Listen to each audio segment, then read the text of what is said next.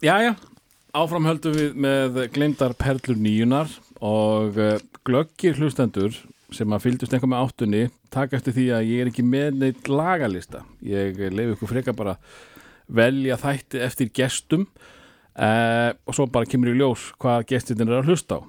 En ég ætla að segja það samt strax núna að framöndan er partí. Það, þetta er eina podcasti sem virkar í partí vegna þess að hingaði komin fyrsta konan í þessari serju það er einhverjum vegna þess að strákarnir voru tilbúinur að mæta svona snemma. Margrét Gauja Magnúsdóttir MGM, velkomin. Takk fyrir það. Þetta er heiður. Já, það er sannur heiður að fá þig í þennan þátt. Já, bara heiður að fá að koma engað vera hérna og eiga þessari stund með þér. Við eftir að eiga, hérna, eiga indislega stund saman. Ég veit það. Eh, Margrét, hvað ertu gömul þegar að þessi áratugur Ég er fætt 11. november 1976 mm -hmm. þannig að ég er að fermast. Þú ert alveg á besta aldri. Já. Nýjan er alveg þín. Nýjan er algjörlega mín og hérna og já, þannig að þetta er sko, og ég lít sko á nýjuna ég, með, því ég var að undirbúa mig fyrir þennan þátt og þá var ég mikið að skoða þetta og sko nýjan í hjá mér er rauninni sko fyrir 95 og eftir 95 mm. þannig ég ákvaði einbita mig bara einmitt að þessari miklu mótun sem ási stað 90 til 95 Já, þetta er þá fermingin og alveg þannig að lúast rúmlega unglingur. Já. og farin að pæla kannski í einhverju öðru en uh, dansi og stuði. Já, ég fer sko 94 í februar fer ég sem skiptinni mig mm, Það skiptir þessu Já, Já. og hérna og það er ekki, veist, það er alveg ómartækt að taka það bara allt ár með. Ég var bara stöttu ykkur stór upp í Andesfjöllum í Argentínu og ég mátti bara þakka fyrir ef ég fekk sko Rhythm of the Night á diskotekunum og hérna annars var maður bara í ykkur salsa bara dansa svona við, við stráka og eitthvað. Mm. og það var mjög erfitt fyrir mig að því að ég náttúrulega kom stút full af uh, teknohróka til Argentínu. Til Argentínu og hérna og síðan því ég kem heim að þá svona fara svona aðri hlutir að gerjast hjá mér og, og síðan verð ég sko mamma 98 og, og Já, þannig að hlutinir hérna svona eftir 95 eru svolítið aðeins öðruvísi svona skemmtinni hlutinir fyrir 95 mm -hmm, mm -hmm. og svona þessi mikla mótun sem að fylgja mér alla tíð síðan, skilur þú veist. Menn ef að ég er heima hjá mér og er að þrýfa eða eitthvað að þá getur þú lappa fram í húsinu mínu og hú, sko gatan ómar af IMF Þann- unbelievable sko. Þannig að ég get farið á gott jam fyrir utan þegar Já. þú ert að þrýfa Já, Ok, ég til í þetta já. Eh, Eða komið bara inn og þrýfi með. Já, eða það, ég til í það líka uh, Sko hvernig eh, stúlka var Margrét uh, fermingabarn? Sko. Var stónum vilt? Um, Villist maður ekki við fermingu? jú, ég var eiginlega samt svolítið svona klófin persónleiki. Mm?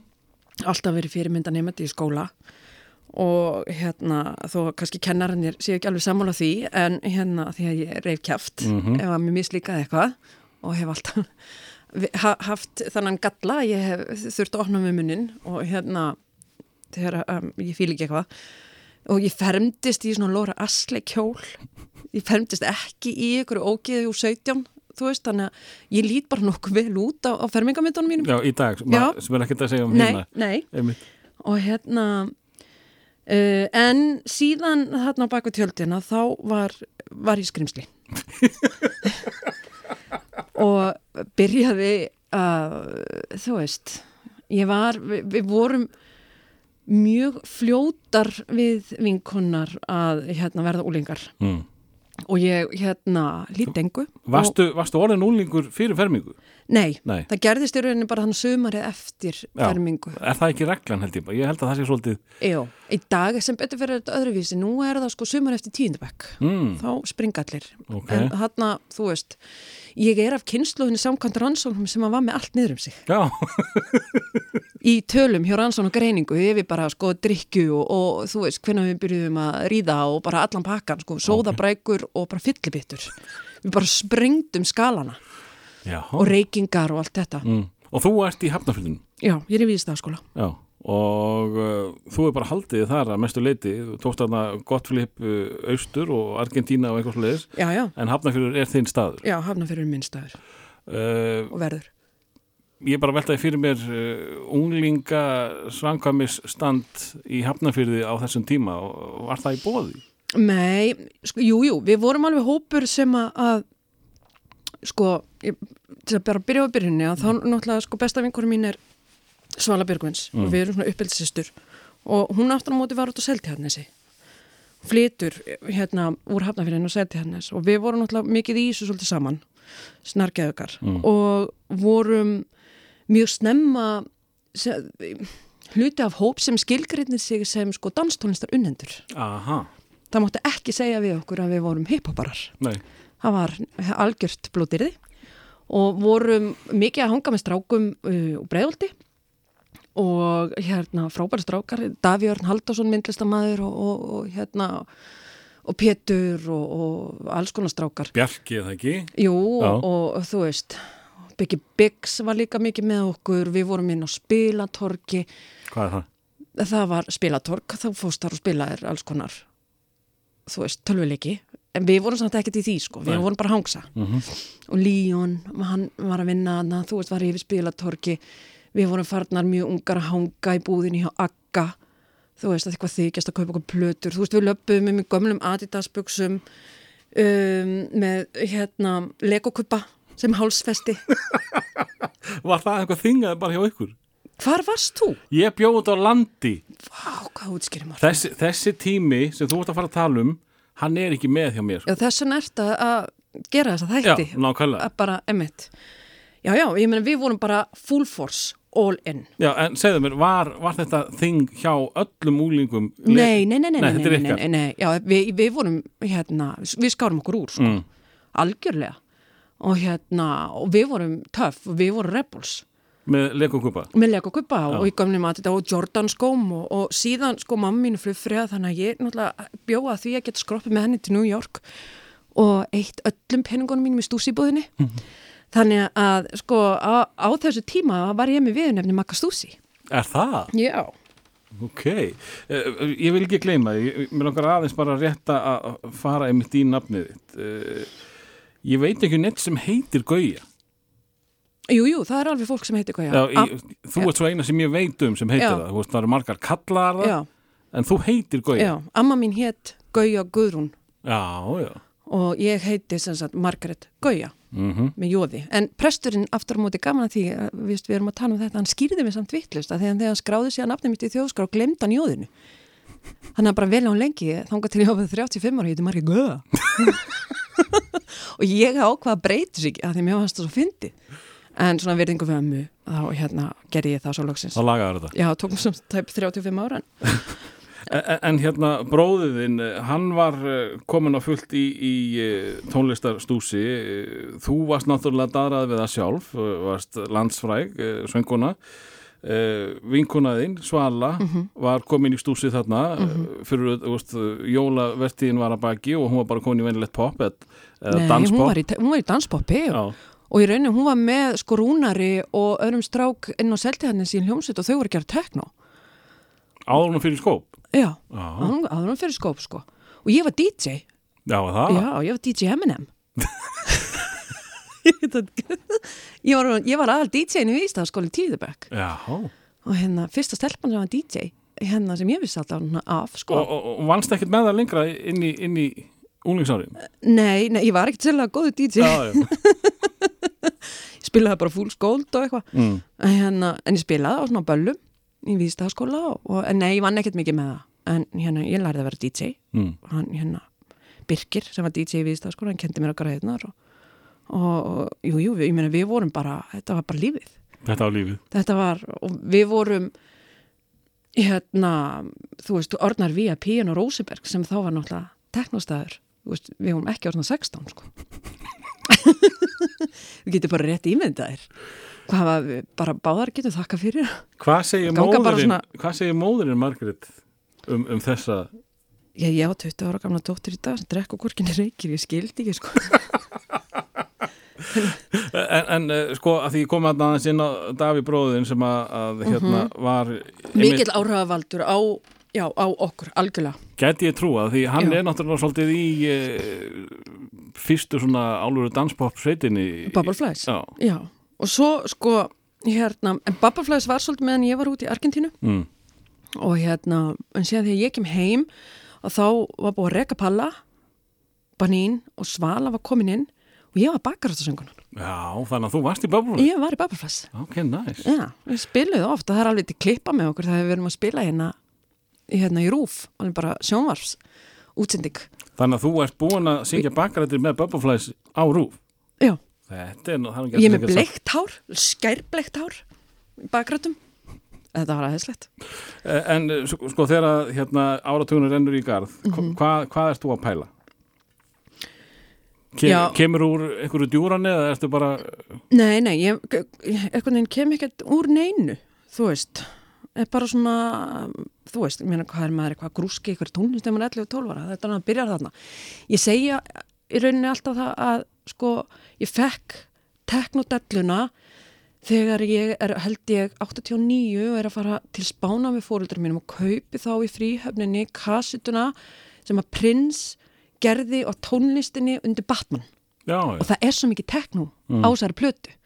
Og þetta var bara svona mindblowing fyrir mig. Og ég var svona gulan? Walkman.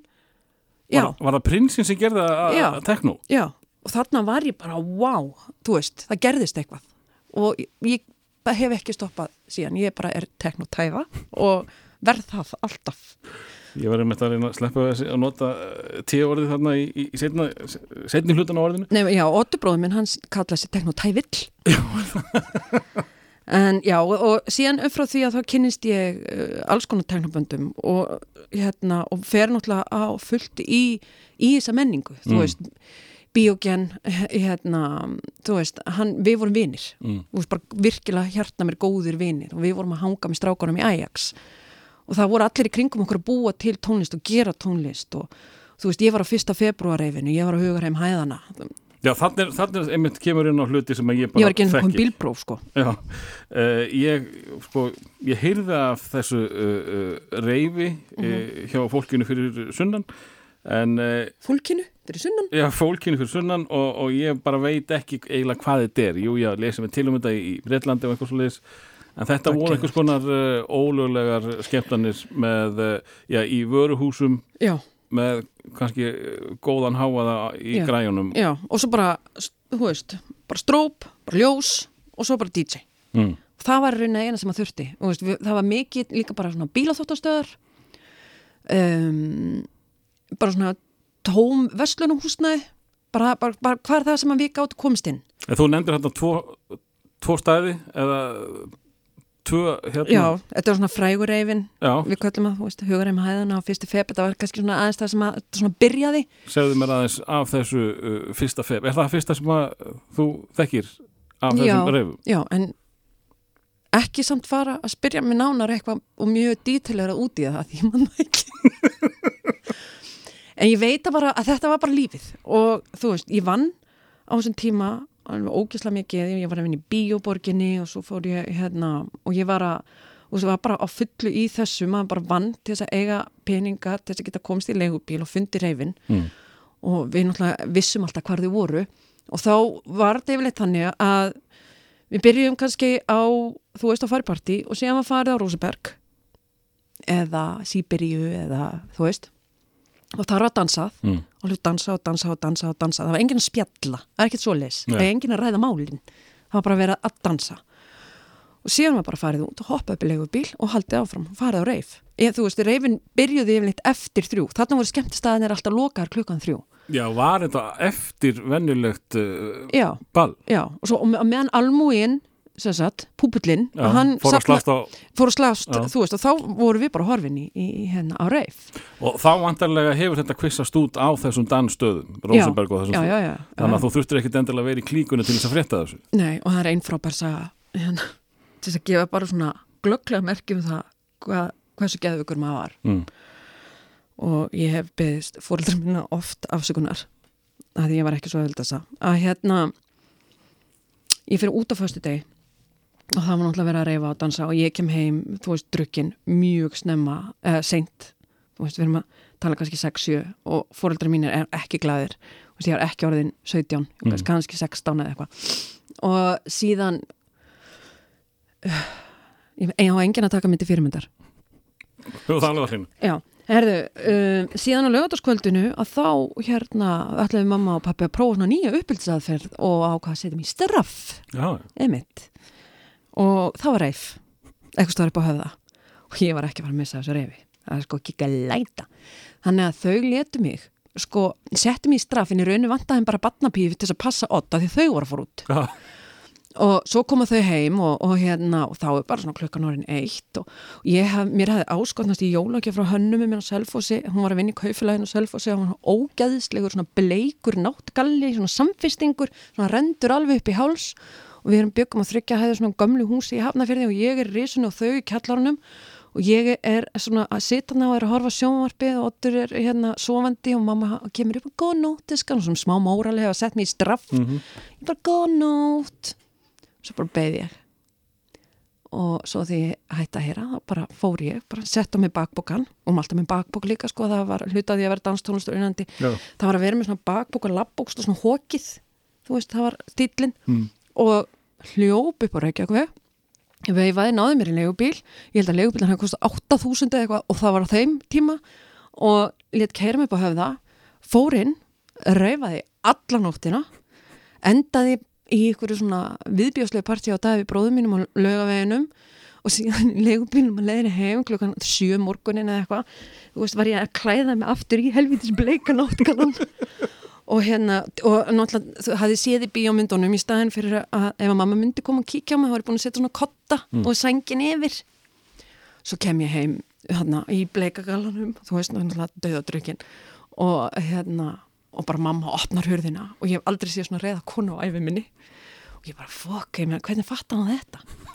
Og síðan stend ég þarna og hún náttúrulega auðsar yfir mig svo brjálæðislega hárað á mér alveg bara svona flaksaðist Mm. skilur svo kík ég svona inn í stofi þá sé ég að pappi situr svona í sófanum og hann er að springa úr hlátri og ég einhvern veginn var líka bara að springa úr hlátri og svo bara til hérna svo og þá svo komst ég að þið setna mér að hérna, hún hafi vaknað um nóttuna til þess að fá sér vasklas eða eitthvað og heyrti ég hún rimla gardinur hún hafi heyrt af svona læti þú veist var kvast að ég ætla að fara og því hún vorkendi mér svo að því hún setti mér straff og svo er hún að halla sér svona yfir rúmið og loka gluggunum og lítur svona niður á mig og ætlar að fara að dásta í hvað hún er fallega goða tóttir og sér að það vantar á mig haus.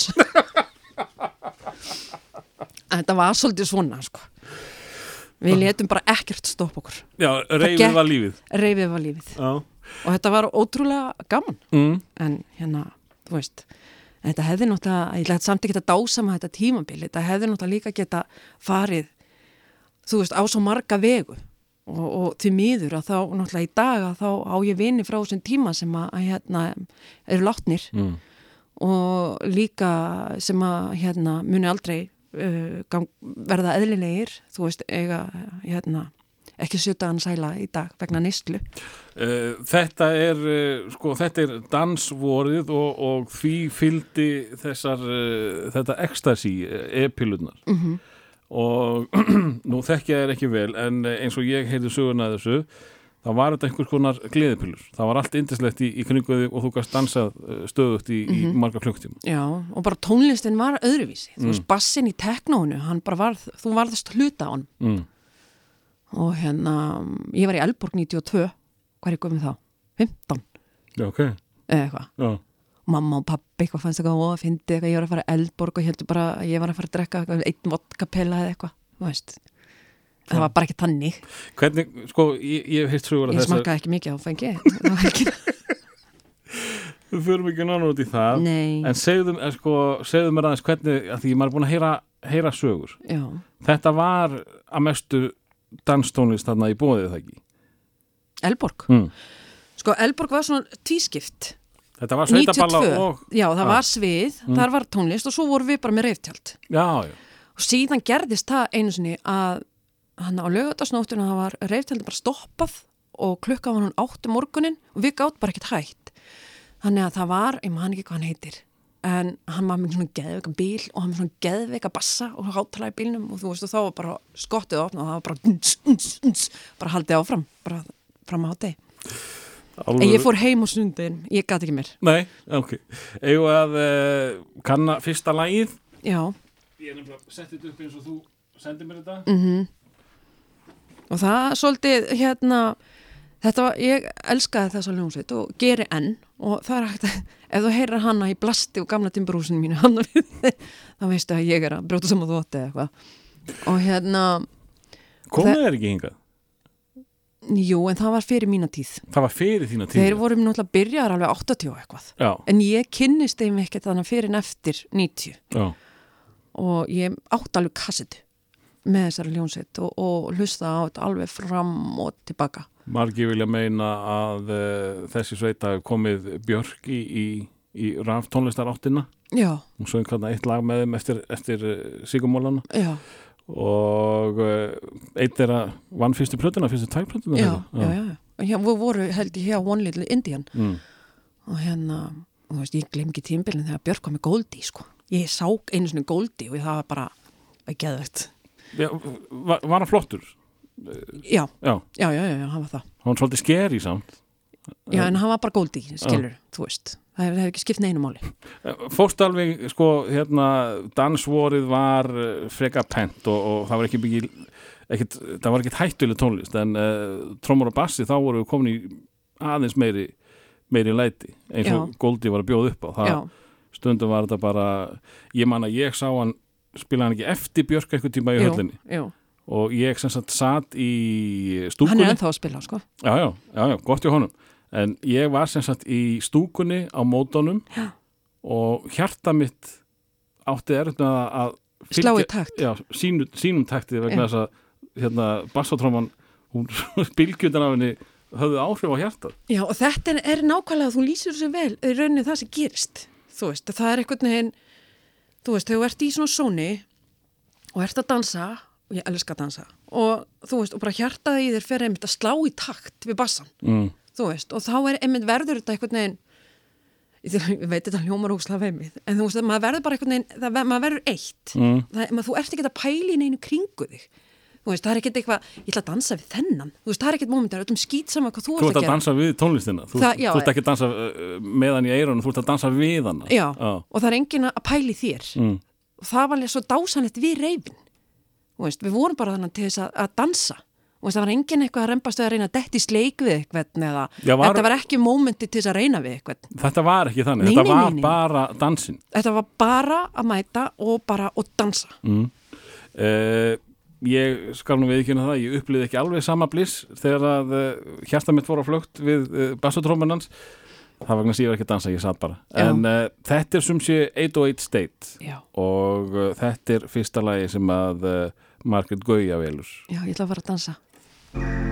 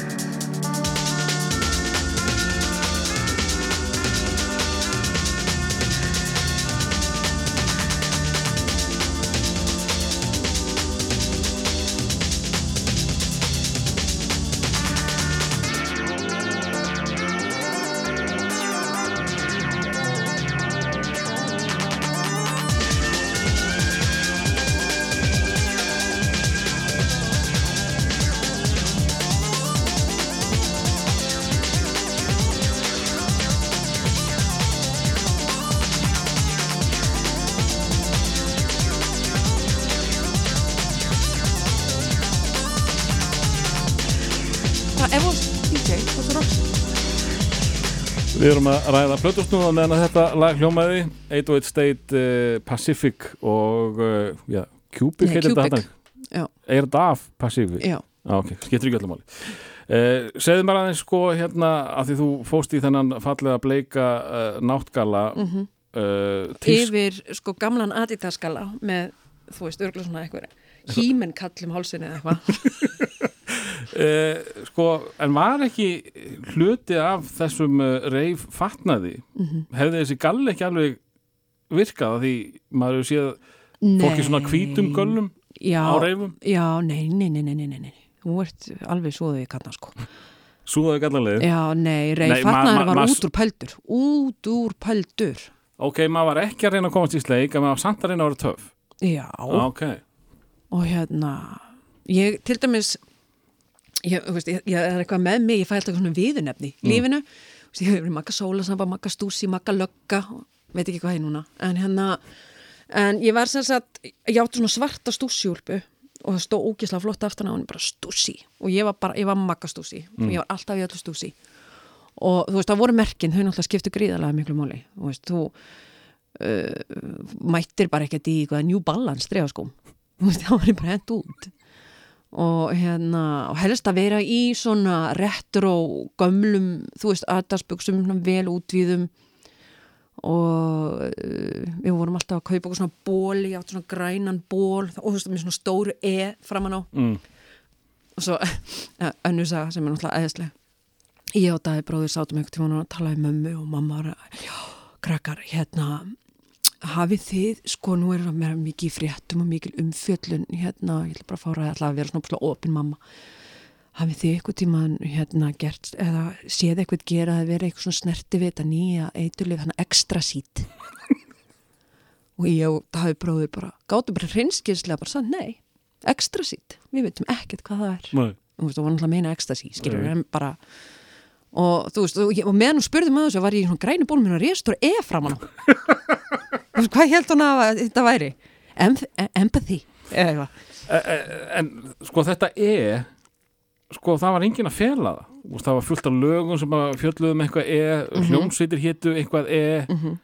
e það heldur flestir allir að þetta væri bara eh, sko gleðipilla sem að gerði ekkert ógagn sem að var ekkert hættulegt framan af he- hef ég lesið Já, er það er alltaf þannig Já, kemur nýtt upp á marka og þú veist og þá er bara markastrygg sem að þetta sé betra en allt annað og hefur engar afleðingar mm. en þetta er það bara ekki þannig Uh, en við vorum í tískunni og uh, var, var það stúsi allaveg? Uh, Já, ég var stúsi líka? allarleið, já, já, og, Já. og strákar og, og síðan líka svona vintage, þú veist, Adidas fatnaður og, og, og, þú, þetta var útúrpælt og þetta náttúrulega voru sveiflu kendar, svo fóru við stelpunar aftur á móti hættum svolítið að klæða okkur eins og strákar og þá voru við oft sko í uh, pilsum, Mm. þú veist kannski Adidas pilsum, síðum, strygaskóm og einhverjum bólum sem að var eitthvað framan á.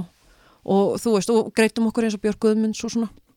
Málum okkur eins og Björg Guðmunds hún var náttúrulega rosalegur áhrifavaldi líka. Mm. og þú veist og já þannig að þetta, e- þetta var ákveðin klæðnar og ég menn þetta var bara ákveðin menning og þetta var ákveðin hópur, þú veist það, það gæti ekki eitthvað, hver sem er eitthvað að bara lappa henn og spilatork og, og í, hérna, stúsjúrpu og, og halda hann alltaf að fá að vera með sko Var, var alveg stjættaskiptinga en það? Já, já, já, já, blúsandi. Og hérna, við vorum aftur á móti náttúrulega svolítið hefna við vinkunnar að við náttúrulega áttum Davíð bróðir að, sem var konungur nættunýfsins á þessum tíma Mm. og hann redda okkur alltaf. Þú veist, hann bara sá um okkur sko. Þannig að við vorum að, í smá elitinni, við vorum mikið með eldraliðinu líka. Á Já. tunglinu og, og vorum náttúrulega í eftir á partíunum með þeim öllum og, og hérna, já. Eh, förum aðeins í hérna þú varst að tala um það fyrr í þættinum að, allir voru að gera tónlist eh, getur við sagt að þetta sé svipað eh, og eh, íslenska hiphopi er í dag voru allir að, að gera sína tónlist, danstónlist í sínum eh, hotnum á, á þessum tíma Já, það voru rosalega margir að gera teknotónlist. en þetta komst aldrei alveg upp á yfirborðið Jú, það var alveg bara æsreif, plötur gefnar út og...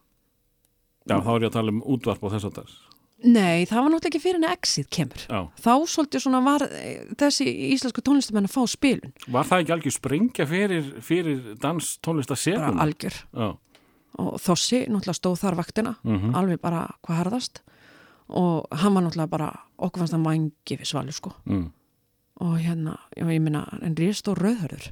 En hann var bara popstjarna Já. af því að hann spilaði danstónist á X-inu og þannig að jú, X-i náttúrulega gjör breytti fyrir það, þannig séð umhverfinu sko. En, en eh, sko, með, með tilkomu X-ins uh, sko, vika þetta þá? Uh, það, það, það voru þessar grúpur, þú og vinkunum þínar og, og það lið sem að þið voru að hanga með en uh, vantarlega he, hefur þetta opnað uh, augu og eyru fyrir fleirum þegar þetta fór að heyrast á, á öldun ljósvaka? Já, og, og síðan náttúrulega fór það bara mjög fljótlega að gerast að til dæmis, ég man eftir því að við, ég, ég fór á Vestlóbal mm. og það var í Hótel Íslandi. Og veist, ég fór bara á þetta balla því að það var búið að breyta svona hliðasal í reif sko, herbergi Já, ok þannig að ég veit ekki hvað hljómsýtt var þú veist, bara síðaskinn sól eða eitthvað var á stóra sviðinu veist, og það var náttúrulega bara glatast í heimi sem að okkur fannst veist, og meðan að löpuðu við þarna einu halvi svona possi veistu, þú veist, alveg svona hókin og alveg bara svona, Ógeðslega kúl og hún ógæðislega kúl Ó.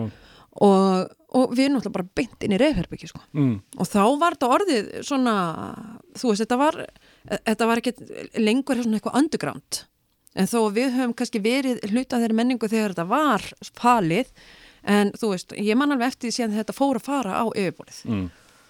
og hérna, En, en var þetta bara Sýberia og Rosenberg? neða það var framan af. náttúrulega ótrúlega margir staðir og gaman að minnast þeir eru allir annarkum búin að brenna eða, þú veist, ég var svo gömul ég líka, já, hérna var mamma ykkar alltaf að dansa nú er þetta hótel og jú það, var náttúrulega kjallarinn og síðan var hann Sem var þá bíókjallarinn eða eitthvað? já, og, sem var Sýberia líka. Já, síberjan er kjallara. Mhm. og svo var náttúrulega tunglið. Já, það var og náttúrulega náttúrulega tunglið var náttúrulega með 16 ára böl Já, er það? Já, og það var alveg uns, uns, uns, uns. 16 ára bönni Já. sem stóru húsi? Já, við vorum þar og hérna og þegar við vorum 13 ára, þá vorum við þar en síðan var náttúrulega Róseberg og Róseberg var rosalega stór. Mm. og hérna, og við vorum bara alltaf þar og síðan var líka hérna staður í, inni í, hvað heitir það, Fissirsundi Já, sem var, setna var strípibúla já, Já, ég man ekki hvað hétt og ég man ég greti kottan þegar Róseberg var breytt í þungaróksbúlu mm. og síðan, jú, það voru svona þessi staðir. Mm. og svo náttúrulega vorum við bara raufum eh, Þannig að það var sko Þetta eru frekar uh, litli staðir uh, Rosenberg fyrir utan náttúrulega tunglið. Þannig að þetta var greinlega ekki mainstreamið. Nei, nei, það var, var pláss fyrir Dr. Albon og vinni hans þá þar. Á, á Berlín eða hvað þetta hétt Astro. Já. Já, Ég, ég fór aldrei á Astro. Nei, Nei, ég veist ekki sjá það. Nei. Það fyrir á þér en uh, þú vildir ekki láta kalla þið hiphop bara Nei, það var bannað. Vi, vi, vi, vi, Það var alveg bara konsensus um það hjá okkur að, að þegar við, vera, við vorum kannski svona labba, þú veist, eftir haustustræti og, í þú veist, hiphop í fatnaði. hipp og fatnum og var, fólk var alveg svona hrópa á okkur og alls konar og, og hérna við náttúrulega vorum alveg ógæðslega svöl. Og þú veist, það er hiphopari ég er ekki hiphopari, ég er danstónlistar unnandi reynu og svo þú veist, já En, svona aðeins að áður við förum í hiphopið eh, sko, væntarlega kemur þessi árátta ykkar að vera með skrýtna hlut um hálsin mm frá fleivurnum -hmm. sem var alltaf með klukkuna. Og einhverju voru með klukk um hálsin veit ég eh, á þessum tíma. Eh, menn fóru aðeins í geisladisk um hálsin eh, ég fór aldrei það stórt.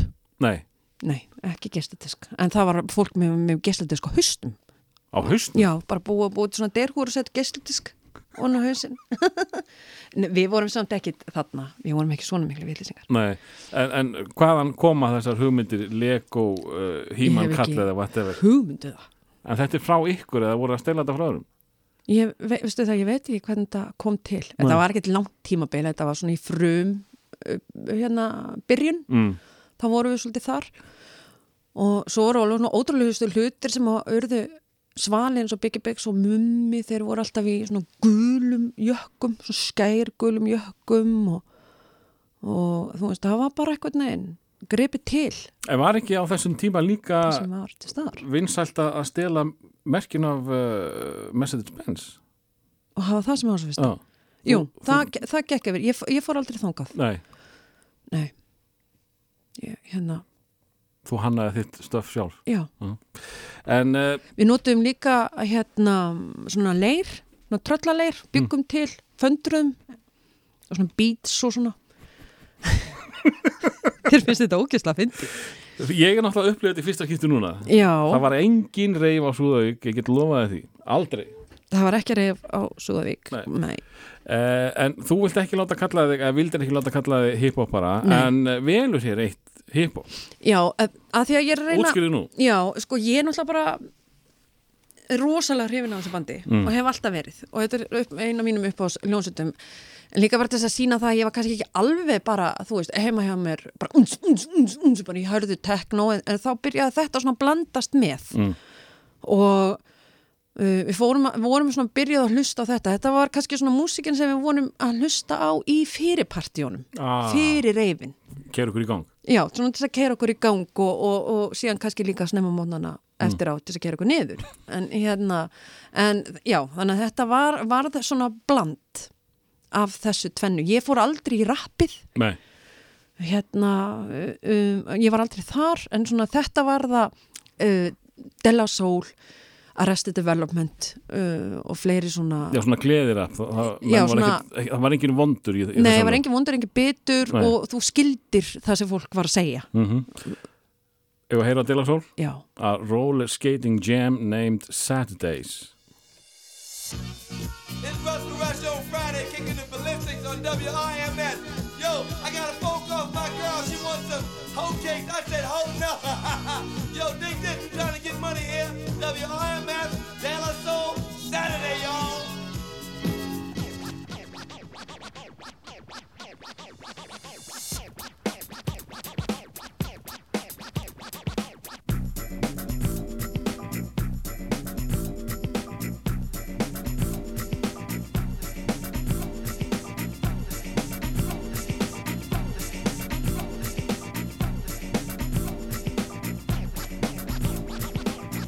Boy on Thursday night. Boy was high, girl fly like kite. They hold hands until next day. Boy then let's go hit his way. Boy rolls blunt brags to his boys. Erection brings bad boy joys. Boy thinks of that big fat back. Big black fat, love big black fat. Girl calls boy to stand him up on Saturday.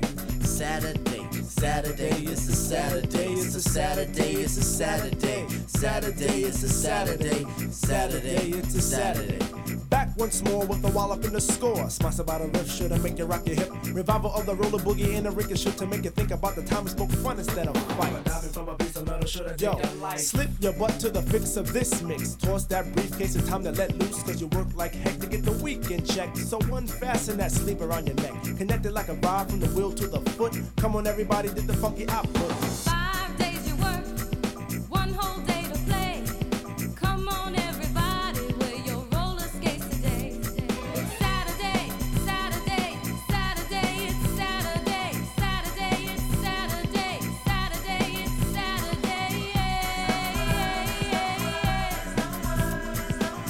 you pump your fists, I reminisce to a bounce rock skate roll fest to impress. Hey, pretty diamond, do you like the way I'm dressed? Cool, keep the faith and be my mate, cause all we need is feet. But promote the hustle cause it keeps me thin. No need to talk, look who just walked in. Is there a dread on stage? Yes, man. So kick the wham on this oh, jam. Oh. Mr. Sprinkler, Mr. Sprinkler. Wet me for one, Mr. Sprinkler. I'm heating high five and a day's no split. With a yawn, I trip to the dawn. Out comes the bodies following the one idea. It's clear. Rattle to the roll. Hold back up the track, grab your roller skates, y'all. And let's zip on by. Zippity dude, I let's zip on by. Feed on the weed and we're feeling high. Sun is on picking the cheese and rolling thick. Come on, it's no time to hide. Season is twist, spinning and winning. No hack and sack, let let me in. Spill on the bottom away, but it's okay. ha, It's a Saturday. Now let's all get baked like Anita. Watch Mr. Lawn, don't look at the Peter. Feel on the farm, I'll feel on the. Hey, watch that. It's a Saturday. Now is the time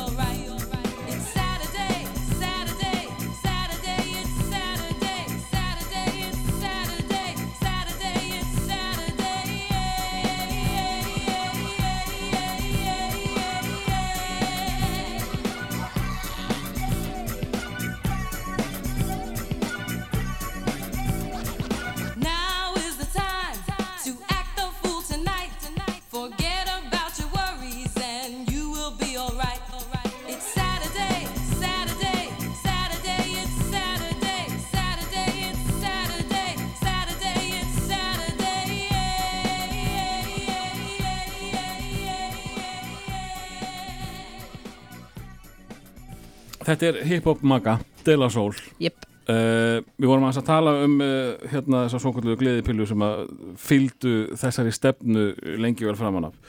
Og við þekkjum líka alveg uh, slæm dæmi um uh, marga sem að komi mjög illa úr þessu já, þessu skemmtana lífi snemma á uh, tíunda áratu síðustu aldar. Já þetta var gott partí en því miður að þá annarkvort að liðu fólk það ekki af eða það verður aldrei samt aftur. Það var rosalega mikið. Mm.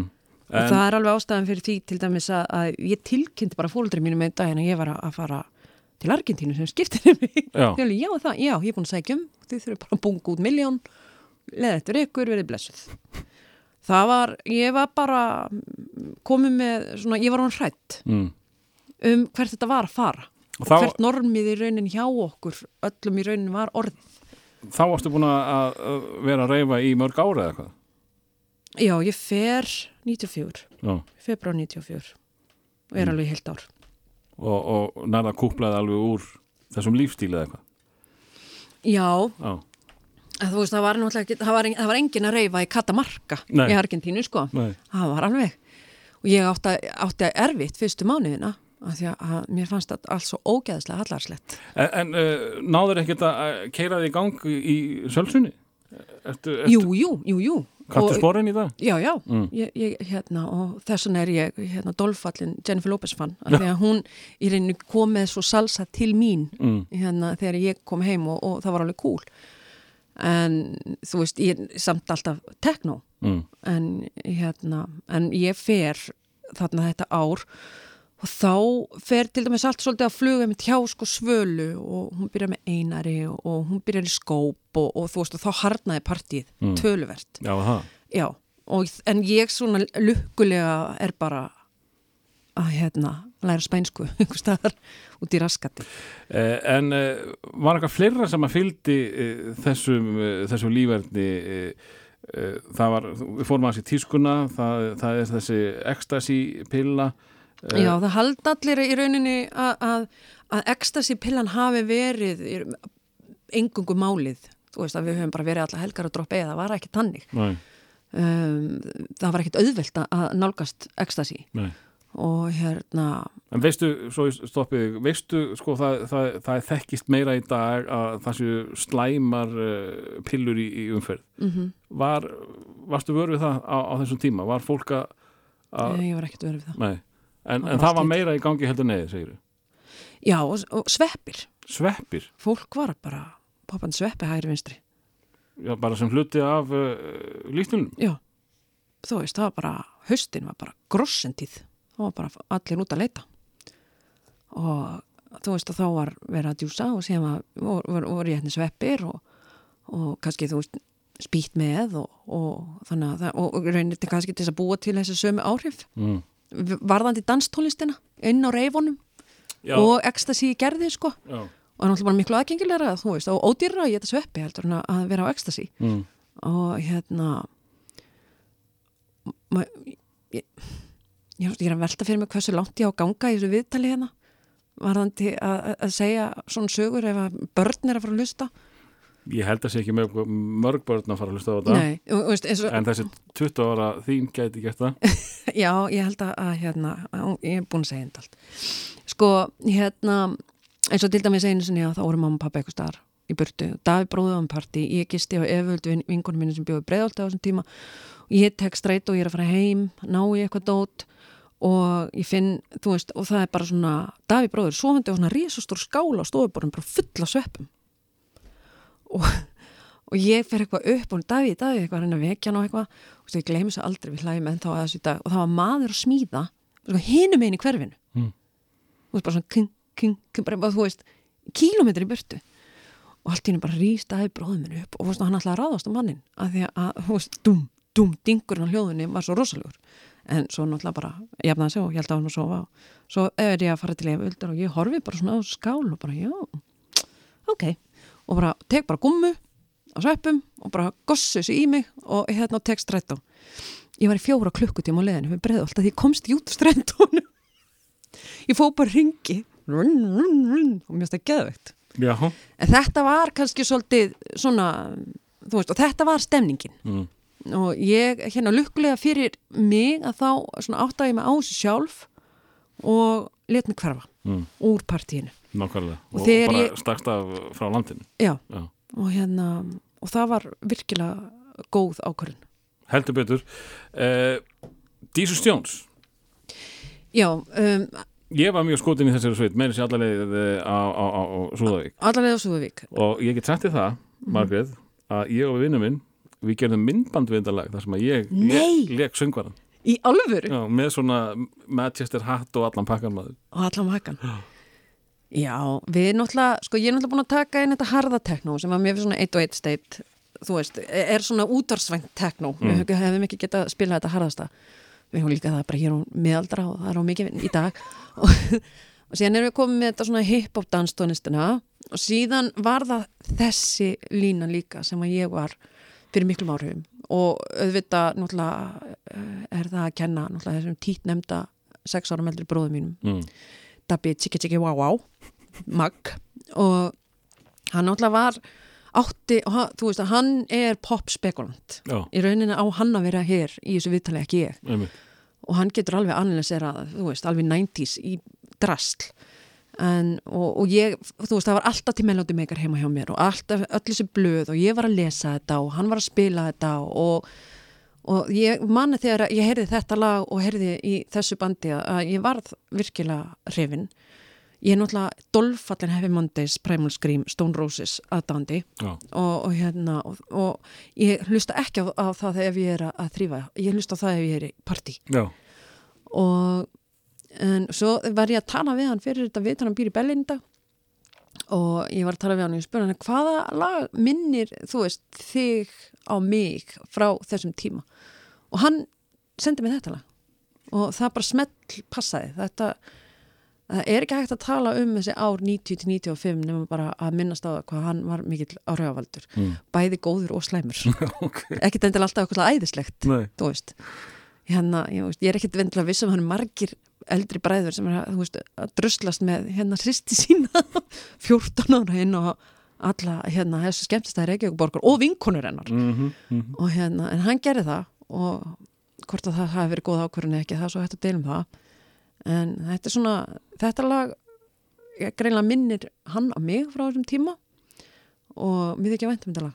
Þetta er líka lag sem að mögulega heyrðist í útarpi Þannig erum við Já, komin já. í fyrsta lægi á þínu lista sem að gætu hafa hýrst eitthvað að- áður en að exit fór í gang sko. Ertu viss? Þetta, Að hefði þetta- þess að geta tekið þetta Þú, eh, Jesus Jones var ekki á bylgjunni þarna. Gæti alveg verið, látt ekki svona einhvers staðar heyrði ég Þú greinlega náður ekki bylgjun á Súðavík. Nei, ég vissi ekki Þetta það var sem bara ekkert að þessu spila nema bara kannski á mándaskvöldum skúli helga Já. í, í korter og síðan bara kom exit Mhm. og frelsaði okkur. Þetta er sem sé Jesus Jones og uh, þeirra smellur í bandaríkjónum þetta er ekki vinsanasta lagið í, í Breitlandi heitir Right Here, Right Now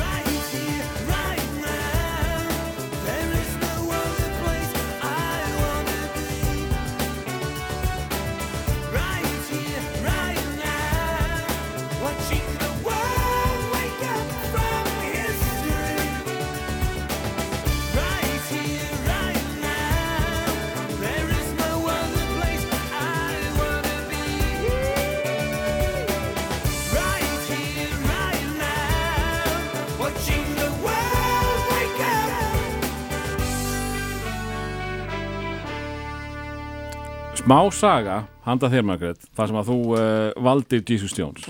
Mike Edwards uh, var maðurinn á baku þessa hljónsitt gerði allt sko. Uh, svo fekk hann bara einhverja vittlisingar til að koma fram með sér á, á tónleikum, þetta var svona aðalega þannig.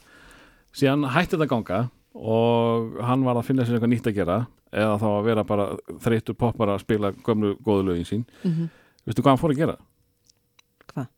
Hann fór til Hollywood og var einhver þjálfari Ég er ekki að djóka. Nei, Jú, hann var enga þjólfari stjarnana í einhvern tíma, ég held að sinn komin aftur heim og farin að er annarkvort það endur sem ekki gert það á hóti Grímsborgum spila dúmi greifból nákvæmlega, og hann er að vísu komin í það núna en hann tók sér góða pásu frá Jesus Jones og var enga þjólfari Herðu, Það er svo, maður má alveg gera alls konar í þessu lífi já, sérstaklega gengur upp maður, þá fannst bara frábært. Já. en uh, nú er komið að kannski þeirri sveit sem að eh, er hvað mest uh, nýjan af öllum. Þetta er hljómsveit sem að náðu öllum á þínum aldri. Já, ég er nýbúin að sjá hana live sko. Sást hann ekki á sínum tíma? Jú, jú, Já, jú, já. ég fór á alla tónleika og allt. Ég, þetta, er, þetta er eina skipti sem ég gerði hardcore grúpja Já, það? Já, en hérna þeir voru að spila í höllinni menn ekkert hvað árið þetta var en allavega að já, á vingunum sem er svona há ótrúlega falli og rauðhærið og, og hún hérna einhvern veginn náði að spjalla sig inn á hljóðmannin og hérna árin ég vissi að þá er ég komin eftir tónleikana hóti sögu inn í einhver hótelherbyggi í einhverju svona djammi en ekki með hljóðstinni nei, bara með hljóðmannin Þetta var svona the highlight of my groupie og það var hérna, hljómaður hérna ferli. Og já, það var hljóðmaðurinn og ljósamaðurinn og þú veist, rótarinn þeir í hljómsveitinu þeir myndi ekki sjá okkur. Ok. Og svo hérna gleymi ég ekki svo hérna ranguðu við svona við okkur alveg döðadregna náttúrulega. Og hérna hérna svo hótelherbyggi og hlóm og hlóm og hlóm og hlóm. Og, og veist, okkur fannst það bara fyndið Mm. veist, og hérna svo sagði ég, já, já, herrun, ég nenni ekki að vera hérna. Ég drullum okkur í hann út og að hótt sögu og síðan löpum við út og það sjáum við bara fullt af stelpum fyrir utan hóteli og við bara, shit veist, við getum ekki að fara að hlaupa hérna út í þetta kraðak en einhver sér okkur og þekkir okkur. Og hérna, þannig að við hlupum aftur upp á hótelherbyggi, rifum laka við inn í rúminu og hlupum út með svona haus Þannig að þú varst hálfgett celeb sjálf Já, ég bara vildi ekki að þetta myndi fréttast Mm. að við, við, en þetta Svo segir þetta í podcasti nokkur mánu síðar eins og fyrir til podcasti nokkur mánu síðan þetta var toppurinn af mínum í hennar grúpiferli að lenda ég eftir á partí með hljóðmanninu í Prodigy Fórst þú á uksa? Nei, það er nefnilega að finna við það er að, Varstu farin út eða? nei, þetta var sömur 95, ég komin heim Mm. og ég var bakar út af söngunin Bubbleflies og Svala var að syngja með og þau voru með stort gig á hugsa Og þú ekki með? Nei, ég fekk ekki frí Þú fjekst ekki frí? Nei, þannig að Sara Marti, hún held ég hafi verið eina sem hafi farið á hugsa svona kannski bara eftir á en ég, veist, ég var í Elborg 92 ég er ekki nefnilega vissum að hugsa hefði verið góð hugmynd á þessum tíma en að ég reyndi allt að því ég átti að vera að syngja og ég náttúrulega hefði það fengið frítt og verið ros pæja baksviðs, þú veist en hérna Hitt kannski hljóðmanniðin aftur? Prodigy? já, en þeir hérna uh, ég fekk ekki frí, ég var að vinna sem þjóttnahóti skaftafelli það sem ég er að vinna í dag líka.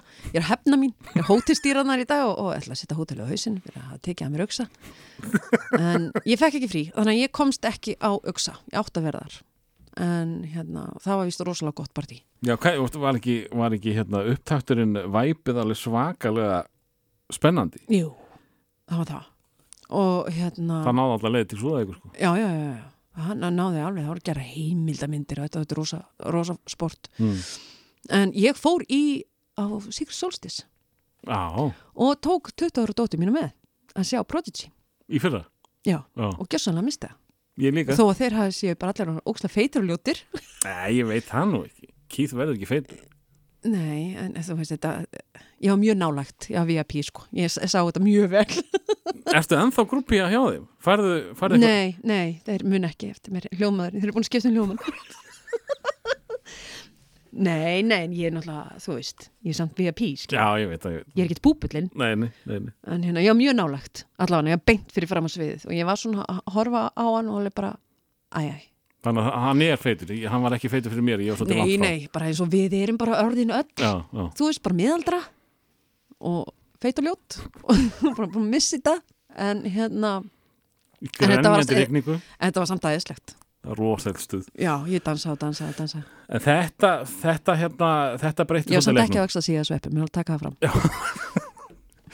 Þetta breytir svolítið leiknum og ég, ég, ég veit til þess að fólk sem að hafði ekki minnst áhuga á danstónlist eða þeir bara- mainstreamuðu þetta harða tekno Já, þú veist með Spaceman og, og þú veist og þessum lögum öllum. Já, þú veist þarna var bara bara venjili, bara verkamæðurinn hafa farin að hlusta bara á svona harða danstónlist. fólk sem var að hlusta á síðanskinn sól já, fór bara beint í hérna uh, out of space og, og vinni já, hans sko. og þarna hættu við danstónlist unnendurnir mm, að vera sko svona misfits jaðarhópur.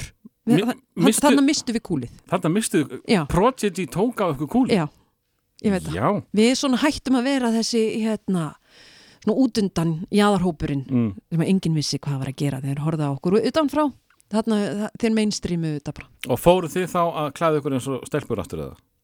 nei, Þú varst að tala um að þegar skiptum uh, farið úr uh, hérna Adidas skólanum yfir í einhver pils og eitthvað jú, jú eh, ég fór yfir í, í ég var þetta svona grunge Þið varstu grönsæri líka? Nei, Nei, nei. Ég, var, ég var ekkert grönnsari en það komu svona bíómyndir þú veist sem að var svona, voru grönns og höfðu svona áhrifa á tískuna sko Fórst í flannir? Nei, róaði Nei, ég man ekki ekki Gröns var bara flannir og rifna gallaböksu Já, ætlum við höfum ekki verið kannski svolítið þar. Mm. en hérna, en þú veist, ég var aldrei í Buffalo skó með Nei, það er líka mun setna Já, Slaka alveg á. En hérna nei, en við, veist, en við vorum samt alltaf smá, það var, þú veist er ekki hægt að taka að þú tekur ekki hérna teknotæfuna getur tekið teknotæfuna út teknóinu og tekur ekki tekno út teknotæfin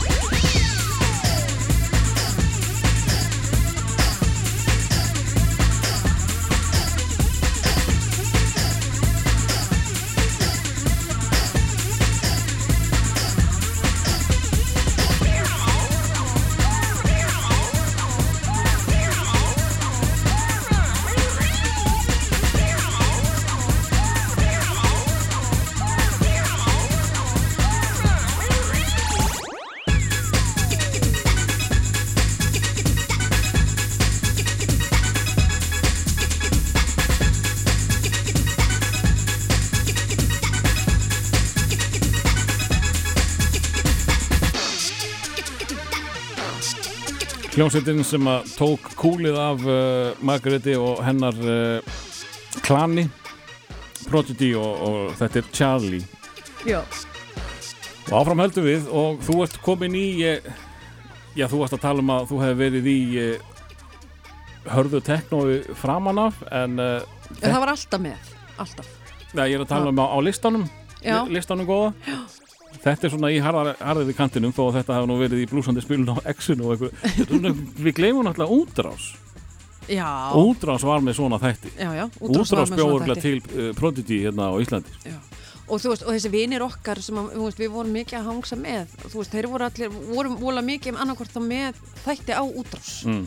Það þótti rosa svalt, sko. Það veist, náðu, náður að spila harða danstónlisti í útvarpi, þá varstu svalur.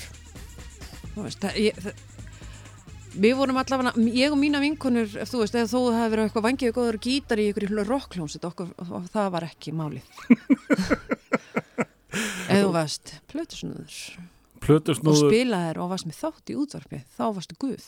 uh, var Plötusnúður merkilegri heldur en uh, liðsmaður í uh, dans Já. hljómsveit Já, nei, ég vil eitthvað voru þeir sem voru búa til Þorvaldur skóla sem var voru svalastur er það ekki? Framan af. Já. Var, var hann alveg, jú, hann var alveg, Var hann ekki kongurinn og hann var Ajax og eitthvað svona það var bíógen stærri ég, nú, nú, jú, þeir tveir voru náttúrulega sami Ajax Mm. og síðan náttúrulega fer Þóraldur sól og ég söng eitthvað lög fyrir Þórald líka. nú Jú, jú, hann var rosalega svalur. Hvað er hann í dag? er hann ekki eitthvað, eitthvað allana er voðalega tenging við Þískaland þegar ég heyri Þóraldur en hverju voru svona kongarnir í, í danstónlistin? Á þessum hérna tíma? Hver? Þá, svo náttúrulega hérna var Líón, svo náttúrulega var Aggi, Gretar, þú veist, Aggi Fríman, Aggi, Axilla. já, and bass eða svona Já. brjálaði, brjálaði Já. hérna plötusnúðurinn Já. Svo náttúrulega Fríman hann var náttúrulega, þú veist og það er náttúrulega bara, ég er búin að vera svolítið í, í jarðaförum í sumar Svolítið að hitta Fríman Hæ, hæ Þeir eru útfarastjóðurinn Já, mér finnst hann alveg magna að einn eh, fremsti uh, teknoplötusnúður landsins er, er útfarastjóri Já, hann er ógeðslega flottu DJ það er líka bara á Íslandi Ég, það er bara á Íslandi, ég veit það Er hann ennþá að grípa í, veistu það? Fríman? Já. ég held það Já. Já, það er svona eru comeback hérna kvöld og hafa stundu verið síðan um, náttúrulega fer ég hana út og svo því ég kem heim þá er svolítið landslægi aðeins breytt Mm. Og Þá er náttúrulega reyfin farin eða ekki? já, reyfin farin og þú veist og rappið og hiphopið er að fara að koma svolítið meira inn og R&B Mm. og allt þetta og þá, jú, jú, þá fyrir við að, að kannski að skvísa okkur líka aðeins meir upp Mm. þá, var, þá var hérna svolítið uh, húð var jákvætt Já. að, að myndi sjást mikið á húð og þá vorum við á vegamótum prikinu ég held að það ég, Er príkir svona gamalt? Já. Við vorum rosalega mikið á prikinu Já, ok. hangandi þú veist, að og Hvernig staði var það þá? Eh, þá vorum við að dansa. Þetta, er, þetta er svo lélegt danshús en samt er þetta sko, lang uh, heitasta hiphophúsið og búið Já. að vera í mörg ár. Já, og þetta var danshús í, í þáta já, það, er, sko, dansskóli er frímerki svo er bara eitthvað efri, efri hæðinni eða eitthvað. Já svo náttúrulega verði ég bara ólétt og verði bara mamma en svo þegar ég fer að detta aftur í stuði og þá var það hérna, svona, þú veist, vegamót og, og þessi staðir mm. þá vorum við náttúrulega alltaf elda einar það sem hann var að spila á DJ og hann var að spila á svona tónlist sem okkur var skemmtilegt að dansa við Og hvað var það? það var bara Vegamátt var svona, svolítið mikið hiphop eða ekki? jú, þá, þá, var, þá var þetta bara komið meira út í hiphop Mm. þá hérna ma, þá er maður bara að hlusta á tekno í leini Enda prótiti búin að tala, taka á eitthvað kúlið. Það var tók á, já. Eh, Bara svona sko til þess að koma þessu í, í einhverja mynd eh, þegar að, segjum bara eftir barn og þú ert aftur farin að kíkja hans á lífið. Mhm. það er ennþá nýja í gangi. Hvaða staðir eru, eru sexy þá? Eh, Það er vegamót, Mhm. það er prikið. Er eitthvað meira hann? nei, náttúrulega Róseberg brunnið. Já er það ekki? Á þessu tíma? Eða þungarokkstaður eða eitthvað? Mm. þetta, þetta var smá teknustæðar aftur eftir þungarokki, veit ég. Já, ég var í ekki því einhverja, skammastund þetta brann allt saman. Já, nei, við vorum bara alltaf á prikinu eða vegumótum og þannig að þú varst bara búin að snúa bakinu við teknoðinu nei, það var bara einhvern veginn ekkert lengur. Mm. Já, ég meina partysónbræður voru alltaf með eitthvað uppákomur hér og það já, já, maður kannski hérna fór það en ég meina, maður, þú veist eftir basburðu þá þá, var- þá, þá var þessi harða stefna á útleið í, í skemmtarlegu já, þú veist, maður ekki að elda eitthvað reif. Það er náttúrulega búinn og, og þá er þetta bara svolítið búið, sko, þá var maður bara að fara að- dansa, þú veist, hip-hop. En aftur í snemnýjuna, það, þar er uh, Primal Scream, koma þeir sterkir. Eftir að hafa verið eitthvað svona lélegt uh, Rolling Stones wannabe band þá fóruður í einhverja allt aðra átt. Og ef að þú vart að tala um einhverja síru þá finnst mér nú síru líkt að þessu alla leið bara þessi hljóð ég hér. elska þetta lag. Þetta er eiginlega eina lagið á Scream Adelica sem ég uh, elska ekki. Í alvöru, þarna er mín komin í gang sko. upplifir sírustefningu þetta hljóð. Blip, blip, blip, blip, blip. það er eitthvað já, já, já, þú varst að súða bara. Ég var bara svo þetta er Primal Scream og Don't Fight It, en ég Feel í, It. ég var í hafnaverði þú varst í hafnafyrir, þú varst að fíla það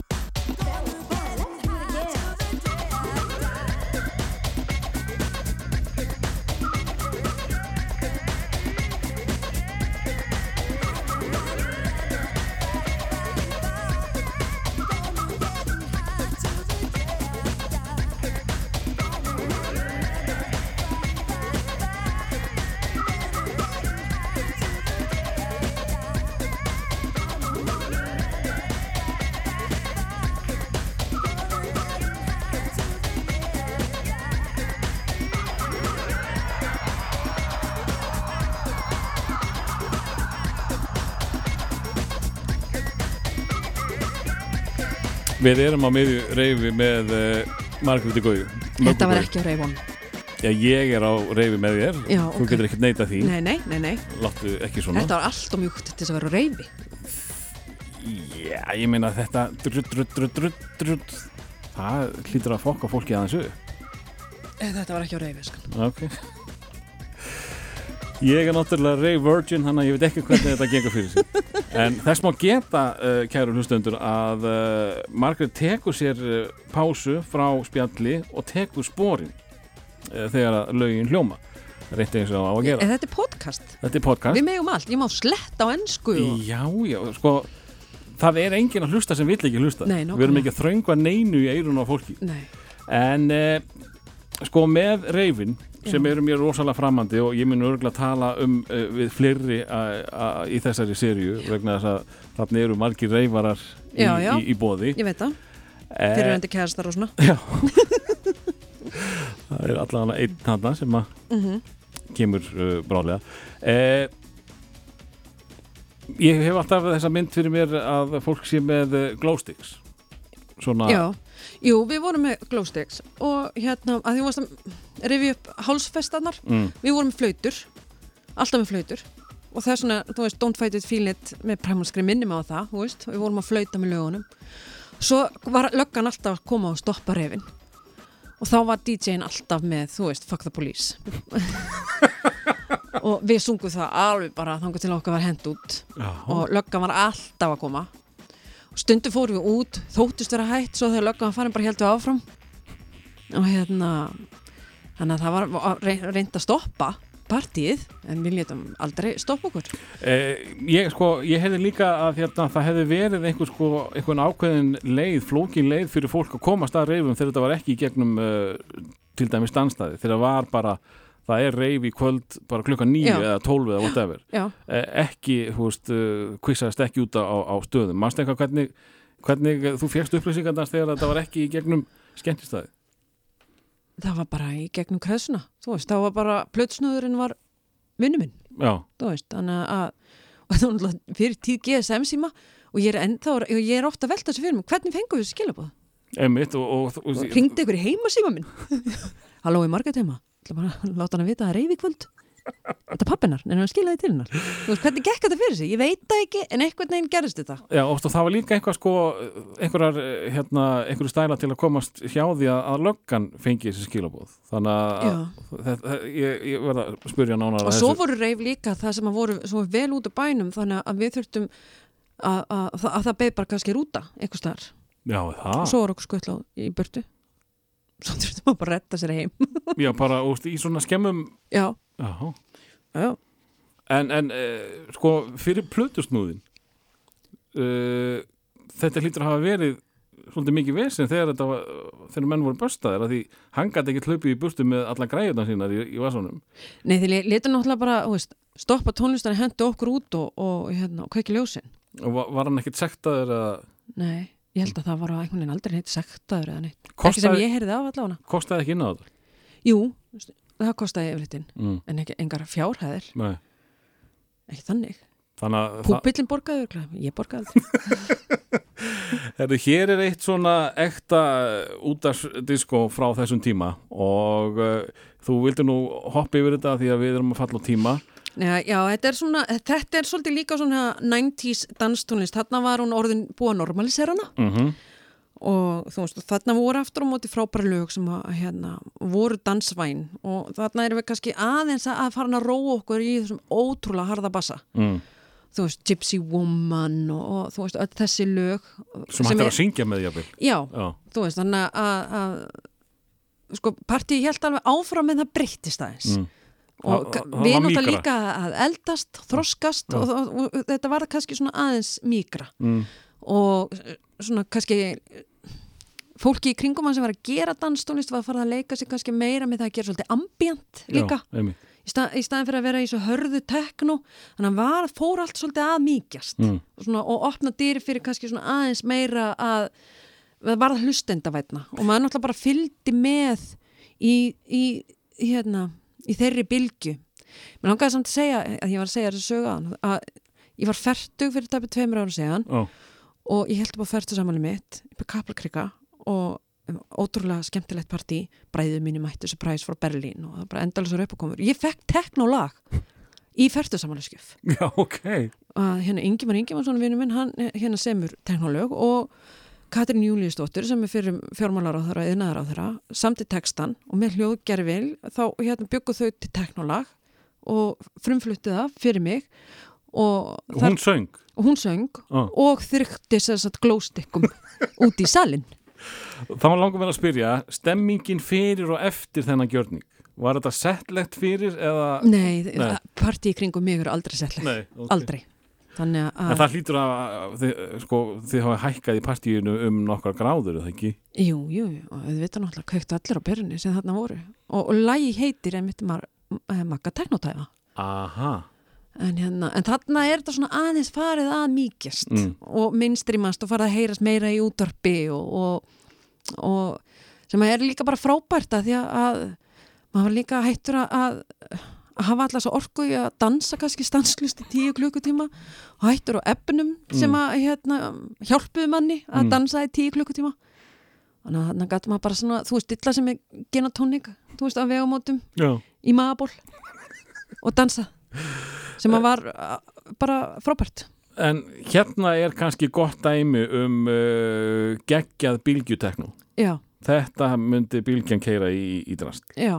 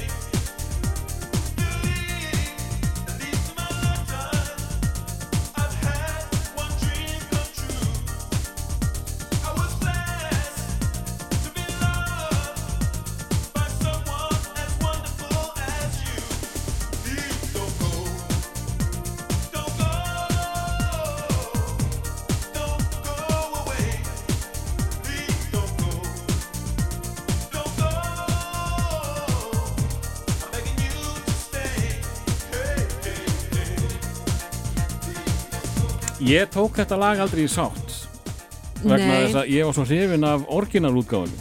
Það var fyrsta lagi sem ég lærði allan textan af.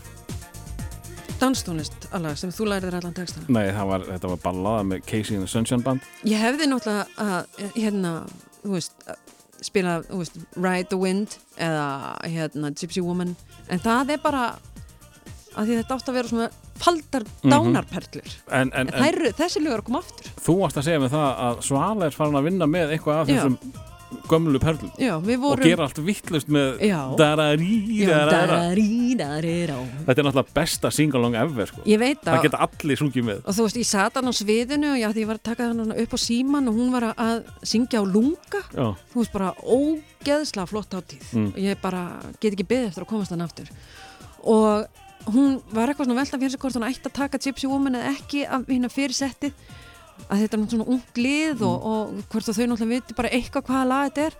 Ég sagði, gerða það bara þú nefnir að gera það fyrir mig. Já. og hérna, hún já, ok þá. Og það voru fleiri sem höfðu greinlega gaman það, það bara bara segðis fyrir að rokkaði. bara, þú veist, skildi sig frá Íslandi á tímabili. Það var alveg, það var allt vittlust og þetta var bara allt svona, þú veist 20-25 ára gamli krakkar. Já. þannig að þetta er 90s er að koma aftur. Það er gamli góði diskotakturinn sem að virkar alltaf. Please Don't Go. KWS hétu þessi sem fluttu. En uh, núna í fyrsta skipti ætlum við að uh, bregða okkur í smá rockmúsík Já, Þú ert nú ekki búin að uh, bjóða upp á mikið á rocki á þessu lista til þess nei, ég er ekki, ekki búin að gera það. Aftur á móti náttúrulega var það alltaf með hjá mér. mm. Það voru náttúrulega líka áhrifin heimafrá sko. þessi hérna indie hérna Manchester áhrif. Og ég hef alltaf verið rúslega hrifin af þessari hljó- hljómsveit. Og það, það er sérstaklega líka því að þau eiga svo- að sérlatnans eiga lög þar sem að þau blanda saman bæði. Já, einmitt. Þú veist, og ég elska það. Þeir þú tóku þetta indie en þú veist, ég get dansa við það. Þeir eru hluti af þessu Manchester uh, Já. Reivon uh, Já. sviði. En svona uh, bara í framhjálaupi var Davíð meira í rocki heldur en diskói hann er náttúrulega gítarleikari og það já, já, já, þeir alltaf. oftast já. nei, ég meina hann er, þú veist, hann er mesti Oasis aðdáðandi sem hún fyrir á plánutinni ég sá það ekki fyrir mig Davíð Magnússon? Nei. það, hann er bara, hann er rugglaður þegar að þessu kemur. Er hann Oasis maður? Oasis maður? Ég hafði svo mikið dálat af þessum manni það hefur bara snar minkað í alvöru? Hann bara, hann er sérfræðingur Oasis, ég er ekki svona mikill Oasis fann sko. Nei, en það hefur þú ekkert minkað áliti? Nei, ég hérna ég, ég var meira blöður í alvöru. En hann er alveg bara dolfallin Oasis, hann hefur alltaf verið hann var miklu meira, þú veist, í já, í svona indie Mm. rockinu sko. En- en auðvitað náttúrulega reyða hann. Já, já, já, já. En hérna- og stó, Bubbleflyið hans var uh, dans uh, Já. rock eitthvað. Já, það var svona dansrock. Og þarna svona fer ég hef alltaf verið mjög hrifin af því og, og uh, þú velur charlatans af uh, öllum þeim rocksveitum sem voru í bóði á Mhm. þessum uh, áratug uh, þeir náttúrulega byrjuðu rosalega vel Mhm. fyrstu plötuna voru ægilega góða sko. og þarna er, sko, ég fann að við ekki nákvæmlega það sem þú baðst um, ég er bara Nei. hérna með lifandi útgáfu sem er Ok. ekkert svo slæm Nei. en hvað var það við þetta lag af, af öllum lögunum því það er, sko, þetta orgel í upphafi það, það glifti mig alveg sko Já, það er bara það og textin Mm. og hvernig hann syngur þetta. Og mér, fannst, eh, það, mér finnst í þessu lagi svolítið svona tveir heimar mætast. Mm. sem að, og það báður heimar sem ég elska í einu lagi. Mm og ég hlustaði og hef hlustað alltaf mikið á þetta lag. Fara á tónleika með hljómsveitinni The Charlatans, þetta er Weirdo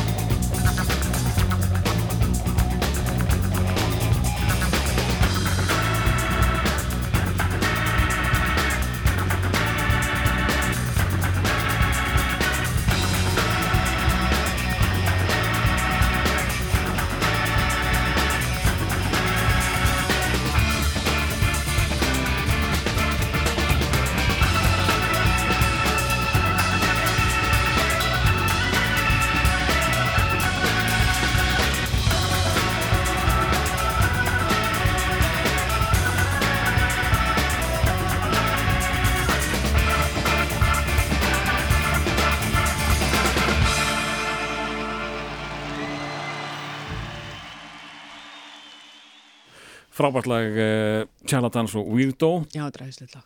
en uh, þá komið að kannski hljómsveitin sem við erum búin að tala um uh, í allan dag, þú varst liðsmaður í þessari sveit Mhm. og rétt eins og bróðin Já, en bara hérna í, í, í andast litrun já, í hljónsutinni. og, og, og segðu mann aðeins sko að því þetta var fannst mér svona Happy Mondays Íslands Já, þetta var, þau voru með bíti, þau voru ógeðslega svalir, uh, margir skrýtni líka hérna uh, þegar þeir koma inn á svæðið uh, hvernig, hvernig ég var út í Argentínu. mistir þú að þeir koma inn Já, ég voru svona farnir að byrja og hérna, en ég svolítið svona misti af þessari stóru, þú veist, pá, einhvern veginn sprengju í kringu Bubbleflies. mm. Þessari, þú veist, og þegar Palli var og allt þetta. Ástæðan fyrir því, samt sem aður ég ákveð að spila þetta lag, það er náttúrulega tvær ástæður að, að bróðum minn fær stefgjöld og hérna, en líka það ég er að ekki svo það, þetta, þetta er podcast Já, þú meinar. Ansku. Nei, ég, hérna, einna meðlum um Bubbleflies, hann lést Mm. fyrir stuttu síðan og hétt Reggi, Ragnar Óskarsson og að bassa leikarin, dásamleg hérna mannverða og þú veist, ég var alltaf að, þú veist, vorum, ég var alltaf að hanga samt með þeim, skilur sé, og síðan náttúrulega þegar Svala fer inn í bandið og þá náttúrulega kem ég ennþá meira með en, en hérna, en ég var svona ég veit ekki hvort ég get sagt ég hafi verið grúppja Mm. að því að ég var litla sýstirinn og þannig að ég var algjörlega out of reach þú veist, það var um, það, hérna það þorði aldrei neitt að daðra við mig neitt, skilur það hefur bróðir satt bara hinum með henni í herbygginu og hann bara gaf svona drápsvip já, alla sem reyndu. En hérna en þetta er svona auðvitað ná- náttúrulega lita bubblefly svo rosalega mikið, sko svona mitt líf samt sem áður á þessum árum. Já, og hérna Tóti og, og, og, og það var ógislega gaman að fá að spila með þeim og, og, og það er til eitthvað starf upptaka og hérna af okkur þegar vorum að spila hérna í rúf mm. og þar var ég með eiturblekt hár og við, þetta var rosaleg produksjón og ég man eftir því að við spilum einu svona í tunglinu.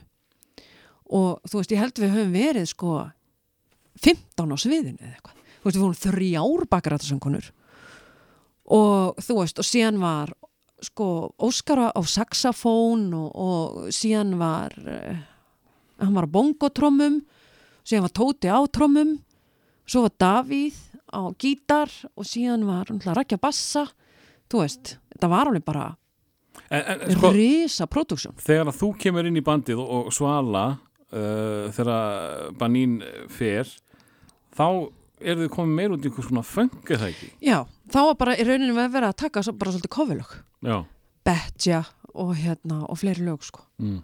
og síðan alltaf spiluðu þarna auksaðin síðan bara eftir það dó, dó Bubbleflies og sætla þú minninga.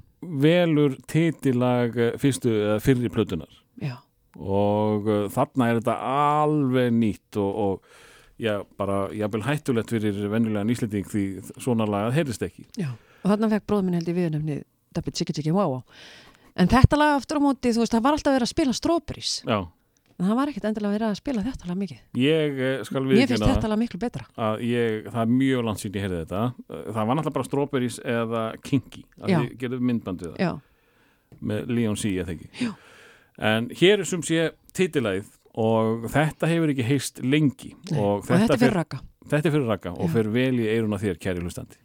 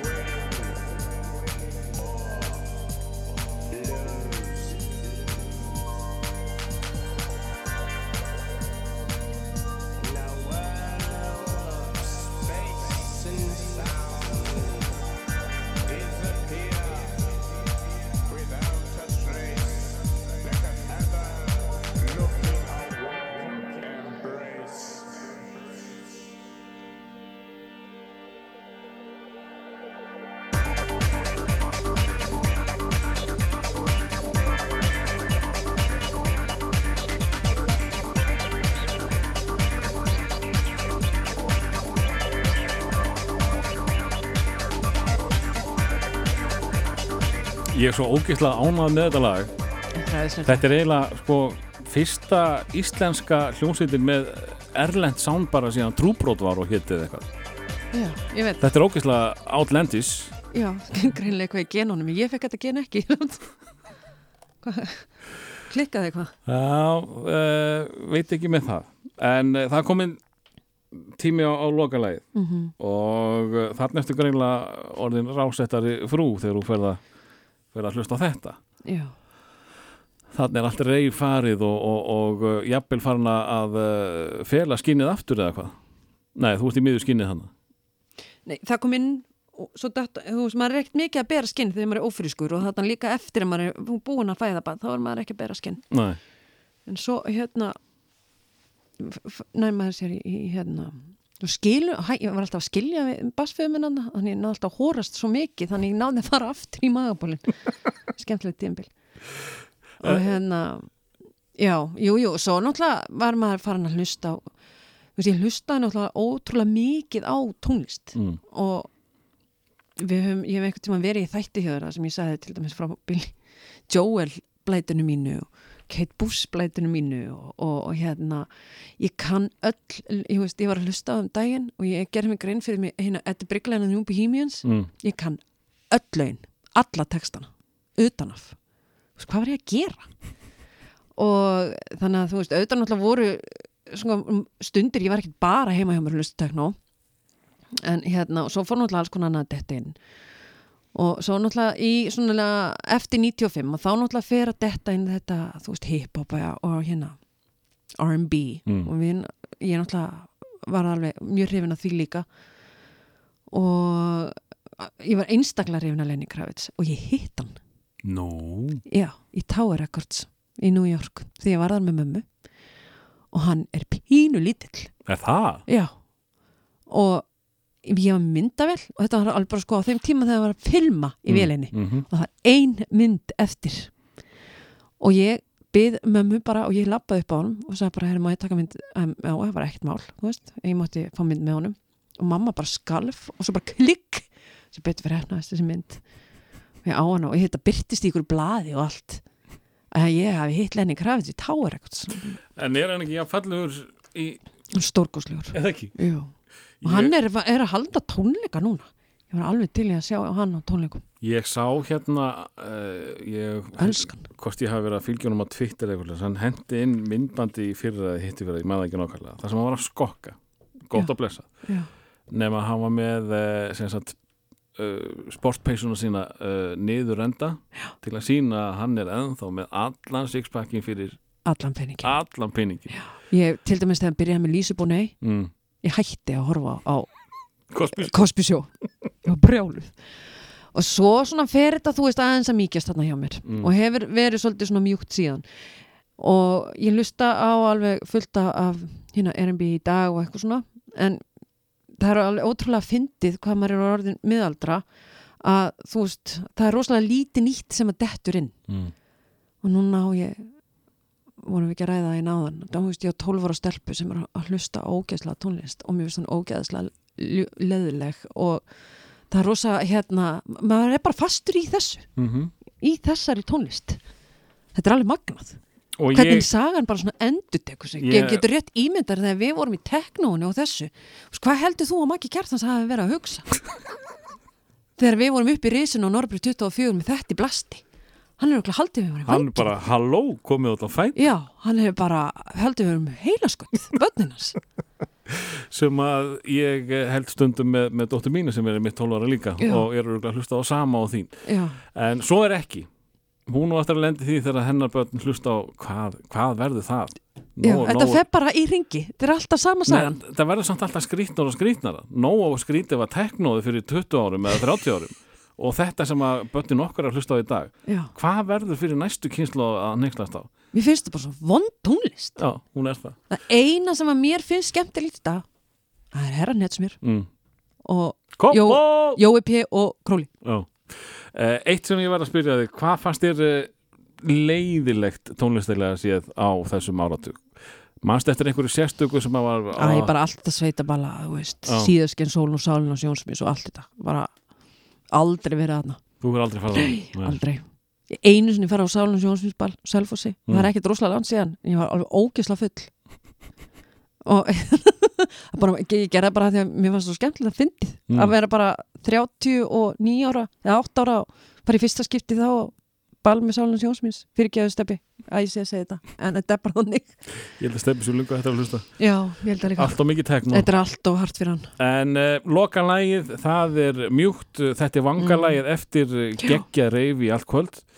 Já, uh, að leifa þér bara að kynna þetta inn og við kveðjum með því. Já, þetta er svona sko, við gætum alveg tekið síðan tvekja klukkutíma sessjón þátt um, þú veist, R&B og, og, og, og þennan tíma. Þannig ég ætla að enda á þessu lagi að því að hann svona tek opnað þessar dyri inn í þennan tíma. Já, þetta undirbúa næsta þátt fyrir okkur? Ég er undirbúið næsta þátt fyrir Já. okkur og þetta er svona vegamóts árin og, og já.